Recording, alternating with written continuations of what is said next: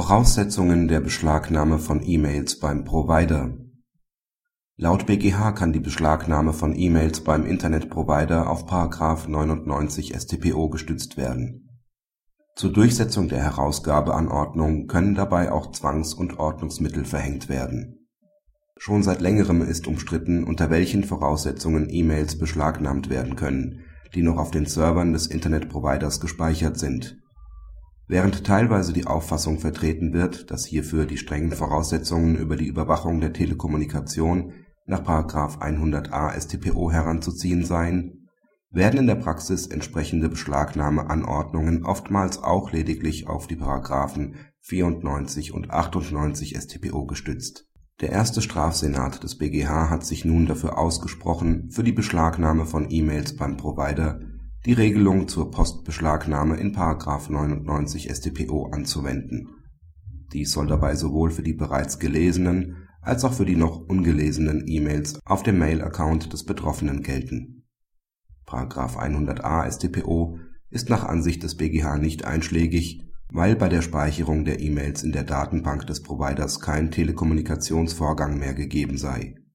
Angesichts des heutigen Kommunikationsverhaltens sei die Beschlagnahme von E-Mails vielmehr in jeder Hinsicht mit der Beschlagnahme anderer Mitteilungen wie etwa Telegrammen vergleichbar, die sich zumindest vorübergehend im Gewahrsam eines Dienstleisters befinden, nachdem sie zuvor auf dem Telekommunikationsweg dorthin übermittelt wurden.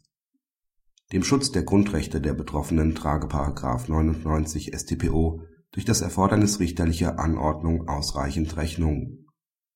für die Anwendung von § 99 StPO spreche auch,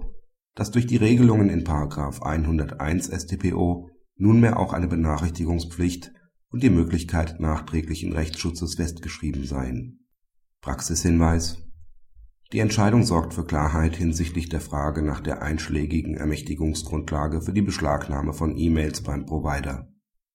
Leider konnte sich der BgH nicht dazu durchringen hierfür auf die strengen Vorgaben des § 100a StPO zurückzugreifen.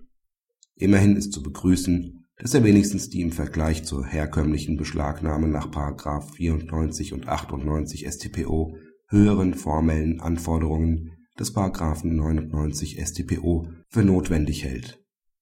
Die Entscheidung stellt zudem klar, dass der Gedanke des § 95 StPO auch auf die Postbeschlagnahme anwendbar ist, mit der Folge dass die Herausgabe der Daten vom Provider auch durch den Einsatz der Zwangs und Ordnungsmittel des § 70 StPO erzwungen werden kann